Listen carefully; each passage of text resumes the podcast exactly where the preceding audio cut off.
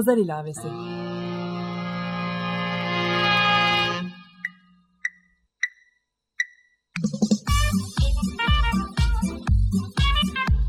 ...1936'dan günümüze 80 yıllık bir zaman tüneli.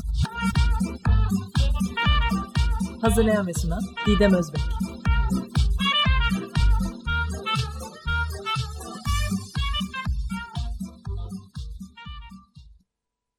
Merhaba sevgili Açık Dergi dinleyicileri. 1936 gündemini günümüze bağlayan pazar ilavesini dinlemektesiniz. Ben program yapımcınız Didem Özbek. Bir konudan diğerine ilerleyerek sürdürdüğüm pazar ilavesini sergi kelimesinin sözlük anlamından yola çıkarak ve 20 Mayıs 1936 çarşamba tarihli Kurun gazetesi içeriğini günümüz gündemiyle ilişkilendirerek devam ettiriyorum.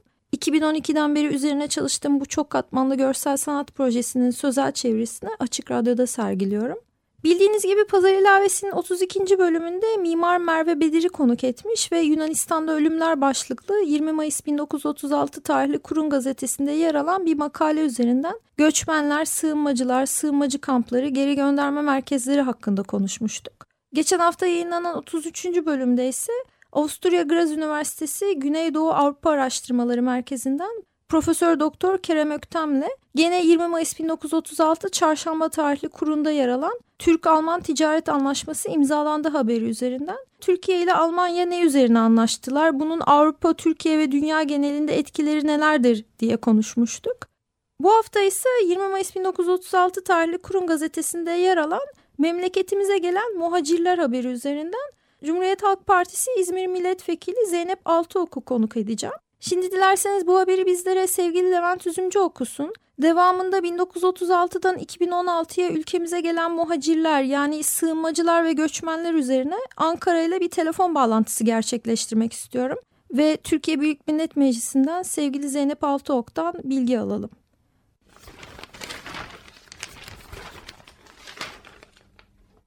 Kurun İstanbul Çarşamba 20 Mayıs 1936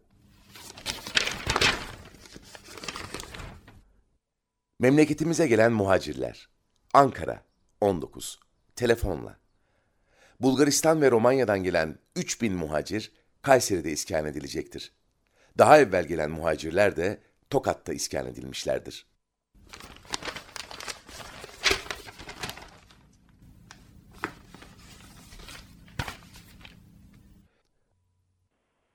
Merhaba Zeynep Hanım, Pazar ilavesine hoş geldiniz. Hoş bulduk. Şunu itiraf etmeliyim ki sizi konuk etmek benim için en kolay bölümlerden birini hazırlamak olacak. Çünkü size yönlendireceğim soruların büyük çoğunluğunu siz zaten dönemin başbakanı Sayın Ahmet Davutoğlu'na yönlendirmişsiniz bir soru önergesi olarak. Demin dinlettiğim Levent Üzümcü'nün okuduğu memleketimize gelen muhacirler durumu 80 yıl sonra bugün milyonlarca kişi üzerinden gerçekleşiyor. Türkiye'nin belirli bölgelerine özellikle Kahramanmaraş ve Sivas Divri bölgesinde sığınmacı kampları oluşturulması öngörülüyor. Bunun üzerine sizin yönlendirdiğiniz soru önergesi hakkında konuşmak istiyorum. Aynı zamanda bu hafta sonu 2 Temmuz Sivas katliamının 23. yıl dönümü. Bu üzücü olay üstünden de sizinle konuşmak istiyorum. Aslında hepsi benim gözümde birbirine bağlı konular bir bakıma. İlk sorunuzdan başlayacağım. Sizin sorunuzu size yönlendirerek. Maraş katliamının yaşandığı Kahramanmaraş'ın Alevi köylerinin tam ortasına mülteci kampı yapılmak istenmesinin ardından aynı şekilde Alevi toplumu için derin acılar ve travmaları ifade eden Sivas katliamının yaşandığı Sivas ilinin Alevilerin yoğun yaşadığı Divri ilçesine mülteci kampı yapılması tesadüf müdür? Yapılmak istenmesindeki amaç nedir? Evet, soru önergesini hazırlama sebebimiz zaten bu konunun bir tesadüf olmadığını, son derece sistemli ve planlı bir asimilasyon projesinin bir ayağı olduğunu düşünmemizden kaynaklanıyordu. Ne yazık ki bir insanlık dramı şu anda yaşanıyor. Suriye'de sıcak ve yıkıcı bir savaş var çok uzun zamandır ve bu savaşın mağdur ettiği milyonlarca insanın bir şekilde elbette Türkiye'de ağırlanması,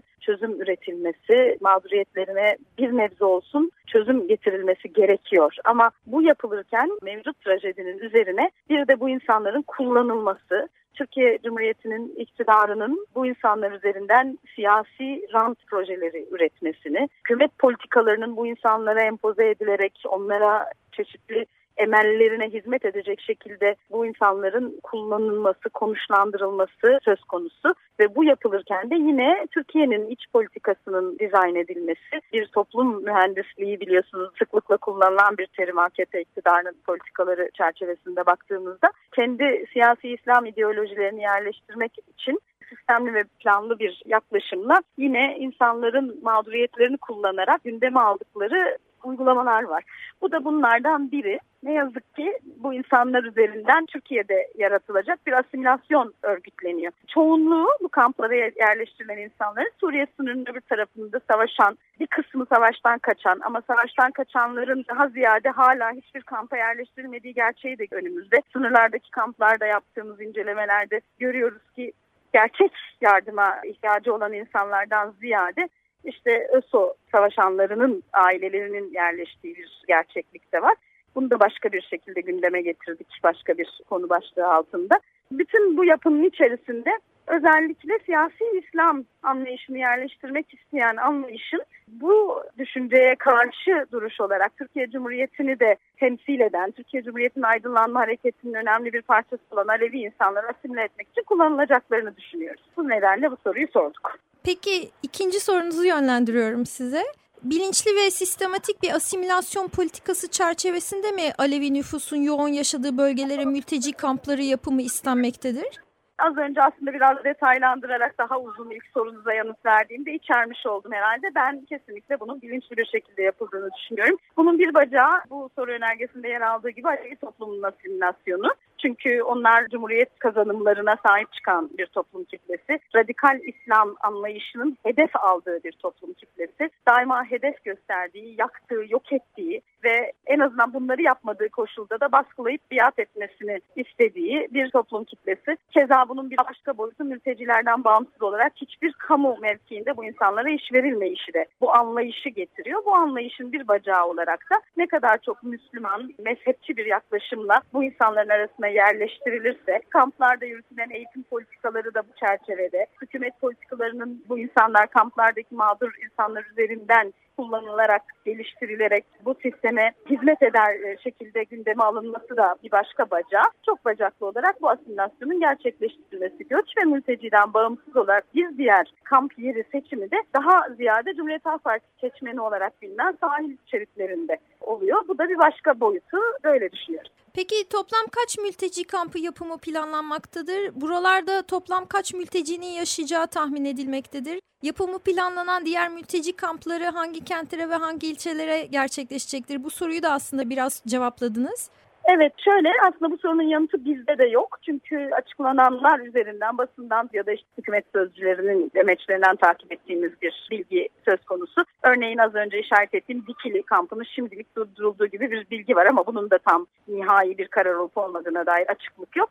Soruyu yönelttik ama genellikle e, tüm soru önergelerimiz ve araştırma tekniklerimiz gibi yanıtsız şu ana kadar bize verilmiş bir yanıt olmadı. O anlamda soru önergeleri mecliste ne işe yarıyor? Yani hani böyle sorup cevap alamama durumu anlamında en azından kayda mı geçiyor? Hani bu konu tartışmaya evet, açılmıştır. en azından tutanaklara geçiyor ama normalde sistemde tabii ki yanıt geldiği vakit gelen yanıt üzerinden bizim bir fikir, bir çözüm, bir katkı geliştirme olanağımız olmalı. Bunu meclis çatısı altında somutlaştıracak yeni önergeler, komisyonlar, kanun tekliflerine dönüştürmemize yarıyor olmalı. Ancak hiçbir şekilde işletilmeyen mekanizmalar bunun önünü tıkamış durumda. Şu anda hükümet tamamen meclis matematiğindeki baskın çoğunluğunu kullanarak mekanizmaları da sadece bürokrasi düzeyinde tutarak kendi istediğini yapacak bir şekilde ilerliyor. Yani kararlı adımlarla kim ne derse desin nasılsa oy çokluğu bizde var elimizi kaldırır indiririz ve istediğimizi yaparız mantığıyla bir fikir platformu olarak dahi meclisin işlevli olmayışını planlamaya çalışıyorlar. Biz elbette ki bunun karşısındayız. Bu mekanizmaları zorluyoruz. Bu mekanizmaların işletilmediği noktalarda da biz kendi komisyonlarımızı kuruyoruz, raporlarımızı yayınlıyoruz, kamuoyuyla paylaşıyoruz ve geliştirdiğimiz çözüm önerilerimizi yine meclise zorlayıcı bir unsur olarak getirmeye devam ediyoruz. Bugün Türkiye'nin geldiği durum aslında biraz da sanki böyle Suriye'nin tam tersi ayna görüntüsü gibi de yani orada işte Alevi Sünni'nin çoğunluğu e, ya da güç mekanizması daha tersine ve aslında birazcık yangını ateşle gitmek gibi de bir durum söz konusu. Ben şahsen bu durumu çok tehlikeli buluyorum. Hani ülke dengesi adına da. Bu durum nelere sebep verebilir sizce? Bu kamplar sonrasında Kesinlikle özellikle. çok haklısınız. Çok doğru bir yere işaret ettiniz. Bizim zaten bu soru önergesi başta olmak üzere bu konudaki tüm yaklaşımlarımız ve bunu irdelemekteki çabamız da bu sebeple. Örneğin sınırımızın hemen öte tarafında IŞİD gibi bir orta çağ zihniyetiyle cihatçı çeteler üzerinden üstelik cehalet üzerinden eyleme geçmiş olan kitleler Alevi yurttaşların boğazını kesiyor, ciğerini yiyor. Olağanüstü vahşilikte bir uygulamayla oraları yok ederek tamamen cihatçı bir İslam Cumhuriyeti kurmaya çalışıyor. Öyle bir savaşın Türkiye'deki yansıması. Zaten buradaki belli bir eğitimin dışındaki radikal İslam hareketinin vaktiyle Sivas katliamına yol açan, Maraş katliamına, Çorum'a, Gazi'ye yol açan, Malatya'ya yol açan anlayışın kalazlanabileceği bir eğitim ve hukuk sistemini geliştirerek bugün önümüze getiren iktidar politikalarında oradaki savaş sorununun ve savaş sularının da yine Can Dündar Verden Gül'ün haberini yaptığı şekilde bizim ülkemiz tarafından desteklendiğinin belgelendiği bir ortamda düşünecek olursak oradan gelen cihatçıların aralarında olduğu insanların bu kampları Alevilerin arasına yerleştirilmesi de yarın benzeri katliamların düşünmek bile istemediğimiz olayların olabilmesine bir zemindir. Onun dışında da iktidarın yürütmekte olduğu genel Türkiye dönüştürme politikasının maşası olarak kullanılan insanlardır şu an önümüze getirilen. Gerçekten çok ciddi sorunlu bir tabloyla karşı karşıyayız. Benim yine son dönemde takip ettiklerimiz üzerinden bir düşüncem de özellikle Güneydoğu'daki yıkımlar, yakımlar diyeyim yani birçok şehir yok edildi. Buna paralel olarak mecliste dokunulmazlıklar kaldırılıyor. Siz de bir milletvekili olarak hakkınızda bir fezleke varsa sizin dokunulmazlığınız da kaldırılabilir. Siz de mahkemeler sonucunda hapsedilebilirsiniz. Milletvekillerinin dokunulmazlık altında mecliste bile ülke sorunlarını tartışamayacakları bir noktaya geldik. Diğer yandan da gerçekten kendi ülkemizde de evinden yurdundan göçmek zorunda bırakılan, evi kalmayan bir sürü insan var. Hani bir yandan Suriyeliler için bir farkındalık yaratmak gerektiği düşünülürken kendi ülkemizin vatandaşları Güneydoğu Anadolu bölgesinde yaşayan Kürt seçmenlerin artık evleri bile kalmadı. Evini kaybettiğinde yaşayacak evin yoksa diyelim ki Cizre'de artık Cizre'de oy kullanamayacaksın.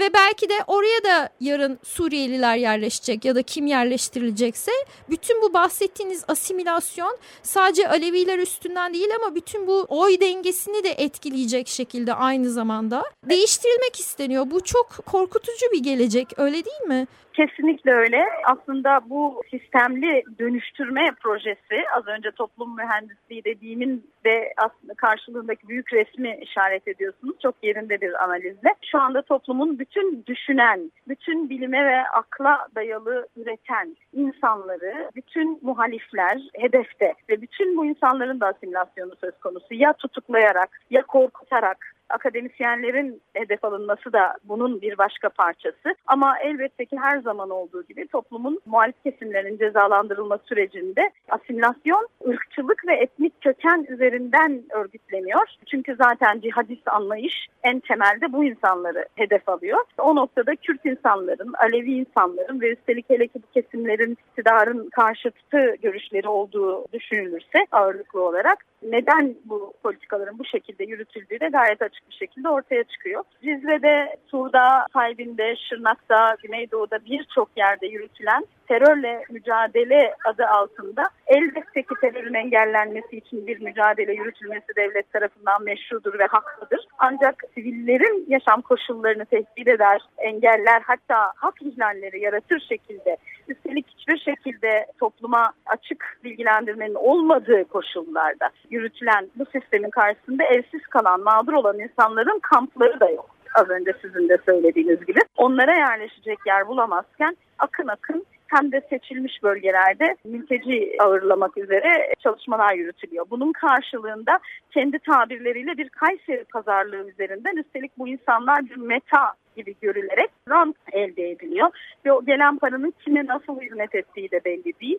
Yani bu programa sığmayacak kadar bütün kampların özellikle sınırlarda mevcut insanlara barınma olanağı sağlamak için yapılan kampların işleyişi, paranın kime nasıl kullanılışı üzerinde sorular mevcut yanıtsız ve olağanüstü sıkıntılı sorunlar var tespit edilen. Hakikaten son derece kaotik bir ortamın içerisinde ülkenin bir demokrasi savaşı söz konusu. Bunun en önemli bacaklarından biri de dış politikanın bu kadar kötü yönetilmesi, sınırlarımızdaki tüm insanlarla bu kadar sorunlu bir duruma kilitlenmiş olmak, Suriye'deki savaşın yurdumuza sıçrama ihtimali işte kilise düşen roketler, hedef alınan, IŞİD tarafından hedef alınan illerimiz, vatandaşlarımızın durumu ortada. Öte yandan da işaret ettiğimiz daha sistemli bir rejim değişikliği politikasının unsurlarının inşa ediliyor olması da başlı başına zaten çok büyük bir etmen. Siz eminim Kahramanmaraş ve Divri'deki bu aslında köylerine ya da yaşam alanlarına sığınmacı kampı kurulacak yurttaşlarla iletişim halindesiniz. Onlara evet. destek veren bir milletvekili olarak.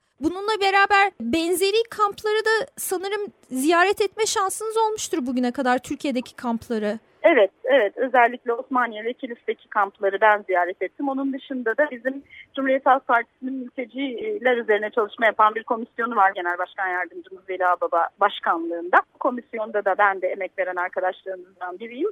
Birçok vekilimizle birlikte çalışmalar yürütüyoruz. Benim Kilis ve Osmaniye'de izlenimlerimi birçok başka kampta diğer arkadaşlarımız da gözlemlediler ve kendi incelemelerini de dile getirdiler.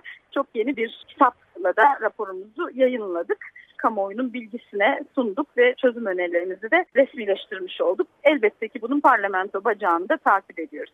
Bundan belki de 80 yıl sonra bugün Türkiye'ye yerleşen Suriyeliler hakkında sizce uzun vadeli bir devlet politikası var mı? Nasıl bir arada yaşayabileceğiz hep birlikte? Sizce bunu planlıyorlar mı? Bunu kendi lehlerine az önce işaret ettiğimiz tüm bizler için tehlike olarak dillendirdiğimiz amaçlara hizmet edecek şekilde planlıyorlar. Bunu gözlemliyoruz. Zaten e, çalışmaları da hani bunu daha iyi irdeleyebilmek ve bunun karşısında bir çözüm üretebilmek için geliştirdik. İşte sınırlar arasında insanlık dramından insanlık sınavına başlığıyla yayınladığımız mülteci sorununa ilişkin kapsamlı raporda tam da bu konulara değinen bir rapor az önce de bahsettiğim. Burada örneğin e, bu insanların vatandaş yapılması, bu insanların oy kullanabileceği statüler tanınması, şu anda zaten bölgedeki sorunlar nedeniyle çok zora düşmüş olan ekonominin üstelik de bu insanların ticaretine hak tanır şekilde düzenlemelerle katmerli bir mağduriyet yaratır boyuta taşınmış olması. Yani çok katmanlı, çok ayaklı, çok ciddi bir sorunla karşı karşıyayız. Ve bütün bunlar uzun vadeli bir hükümet politikasının tac ayakları olarak önümüzde duruyorlar. Ve hiçbiri de gerçek anlamda insan hakları ve kendi ülkemizin refahı, geleceği ve huzuru için üretilmiyor. Zeynep Hanım son sorum da aslında bu cumartesi 2 Temmuz Sivas katliamının 23. yıl dönümü üzerine. Siz bu insanlık dışı saldırıda babanız Metin Altıok'u kaybettiniz. Bu acıyı yaşadınız. Böyle bir acının dünyanın hiçbir yerinde yaşanmaması dileğiyle artık Türkiye Büyük Millet Meclisi'nde bir milletvekili olarak gelecek adına ne söyleyebilirsiniz? Ben ve benim gibi çok çeşitli mağduriyetlerin mücadelesini veren insanlar Türkiye'de ne yazık ki olağan siyasiler haline geldiler. Ben de bunlardan biriyim. Benim buradaki en büyük emelim insanlık suçları tanımını Türkiye'de anayasaya sokabilmek ve devlet sırrı, zaman aşımı gibi kavramlarında işlerliğini engellemek, koruyucu bir yasayla bağımsız yargı ve evrensel insan hakları kriterlerinde ele alınmış bir kanun maddesiyle yeni acıların yaşanmasını engelleyecek ve yaşananların da yüzleşmesini hukuki yönüyle de sağlayabilecek bir ortam yaratmaktı. Bunun için sayısız araştırma önergesi, kanun teklifi gibi girişimler zaten benim vekilliğimden önceden beri bizlerin de taleplerini meclise taşıyan partiler, başta Cumhuriyet Halk Partisi, BDP ve HDP olmak üzere toplumsal bellek platformu çağrısıyla yapılan talepler gündeme getirilmişti. İroniktir ki tam 27 kez bugüne kadar gündeme getirilen bu talepler salt AKP oylarıyla reddedildiler. Oysa ki AKP darbe anayasasıyla mücadele ettiğiniz gerçek bir demokrasiyi inşa ettiğini, hak ihlallerini gidermek için yola çıktığını, özgürlükçü politikalar getirdiğini vaat eden ama bütün bunları sadece ve sadece tekçi bir anlayışla, mezhepçi ve ırkçı bir anlayışla sadece tek tip bir siyasi İslam anlayışını örgütleyen yeni bir Türkiye hayaliyle kullanır olduk. Buna istinaden çalışmaları devam ettiriyoruz. Benim de zaten önümüzdeki günlerde yine görüşülecek bir Türkiye'de yaşanan tüm faili meçhul siyasi cinayetleri aydınlatmak üzere bir komisyon kurulmasına yönelik önergem var. Bu da görüşülüyor olacak. Biz elimizden geleni yine yapmaya devam edeceğiz. Sevgili Zeynep Altıok, Pazar ilavesinde konuğum olduğunuz için çok teşekkür ediyorum size ve çalışmalarınızda başarı diliyorum, sabır diliyorum. Ben teşekkür ederim, çok sağ olun. Zor bir alanda sesimiz olduğunuz için, bize bu olanağı verdiğiniz için ben size teşekkür ediyorum. Evet sevgili dinleyiciler, Pazar ilavesinin bu bölümünü derin bir öf diyerek bitirmek istiyorum. Zeynep Altok'la görüşmemin hemen sonrasında Sivas davasına bakacak Anayasa Mahkemesi üyelerinden birinin katliamı gerçekleştiren sanıklardan birinin avukatı olduğunu öğrendik. Devamında dün gece Atatürk Havalimanı'na acımasız bir işit saldırısı gerçekleşti. Pazar ilavesinin yayınlanmaya başladığı Ekim 2015'ten beri ülkemizde 9 büyük terör eylemi gerçekleşti. Bugün Pazar ilavesinin 34. bölümünü yayınladığım dikkate alınırsa her 6 haftada bir çok büyük kayıplar verdiğimiz ve her seferinde daha da acımasızlaşan canlı bomba saldırıları gerçekleşiyor. Çember hepimiz için daha da daralıyor ve daha da sıklaşıyor.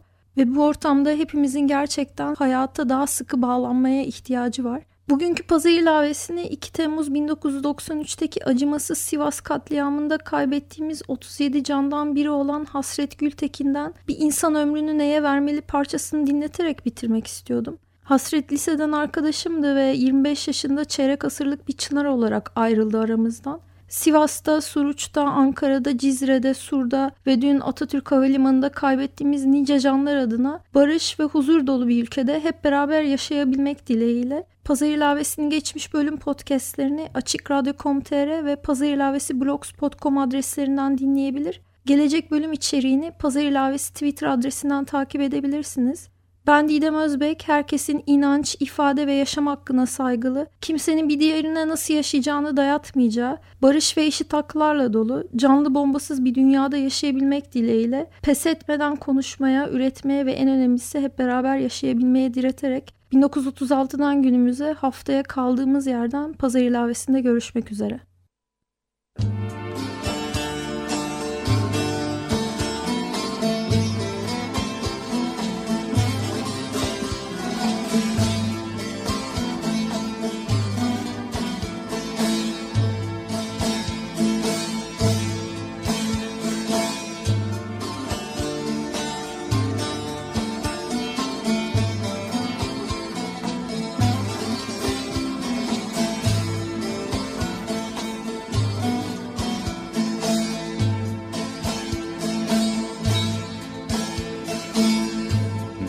İnsan ömrünü neye vermeli?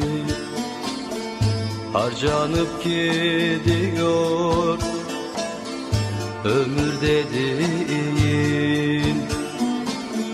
Yolda kalan da bir Yürüyen de bir. Harcanıp gidiyor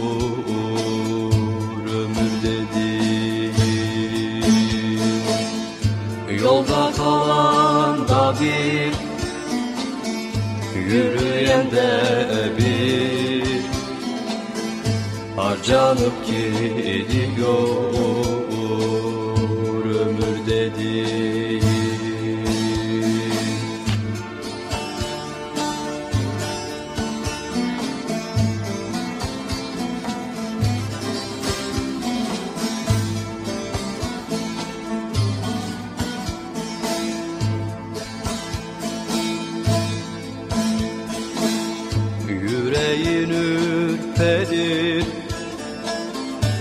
kapı çalınsa Esmeyen yelinden hile sezerler.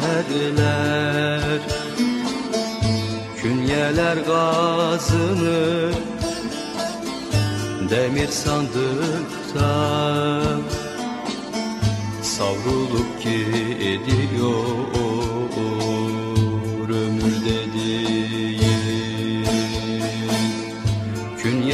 gazını Demir sandıkta Savrulup gidiyor. Ömür dedi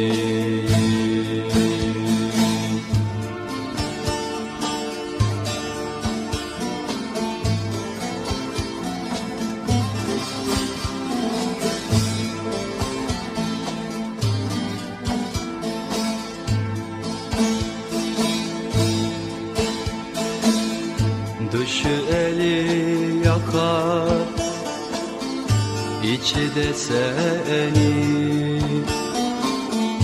Sona eklenmeli. Sözün öncesi.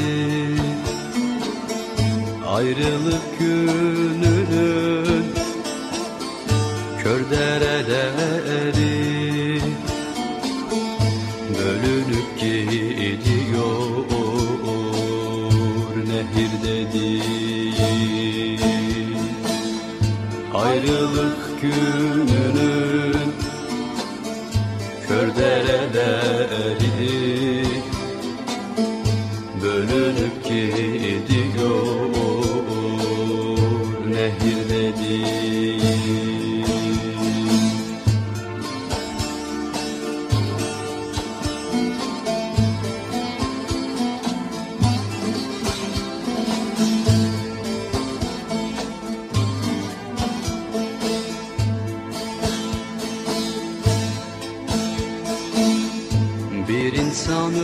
ömrünü neye vermeli? Para mı, onur mu? Taş dikenli yol Ağacın köküne inmek mi yoksa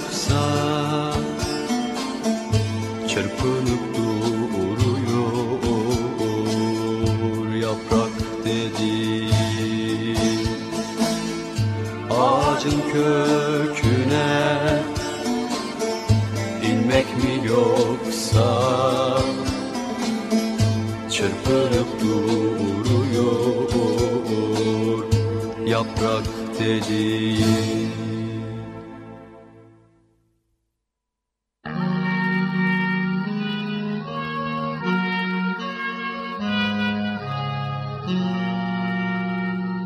Pazar ilavesi.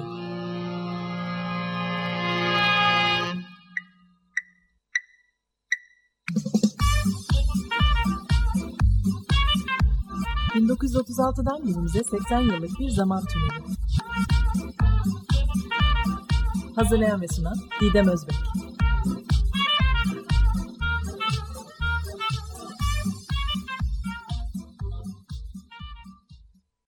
Açık Radyo program destekçisi olun.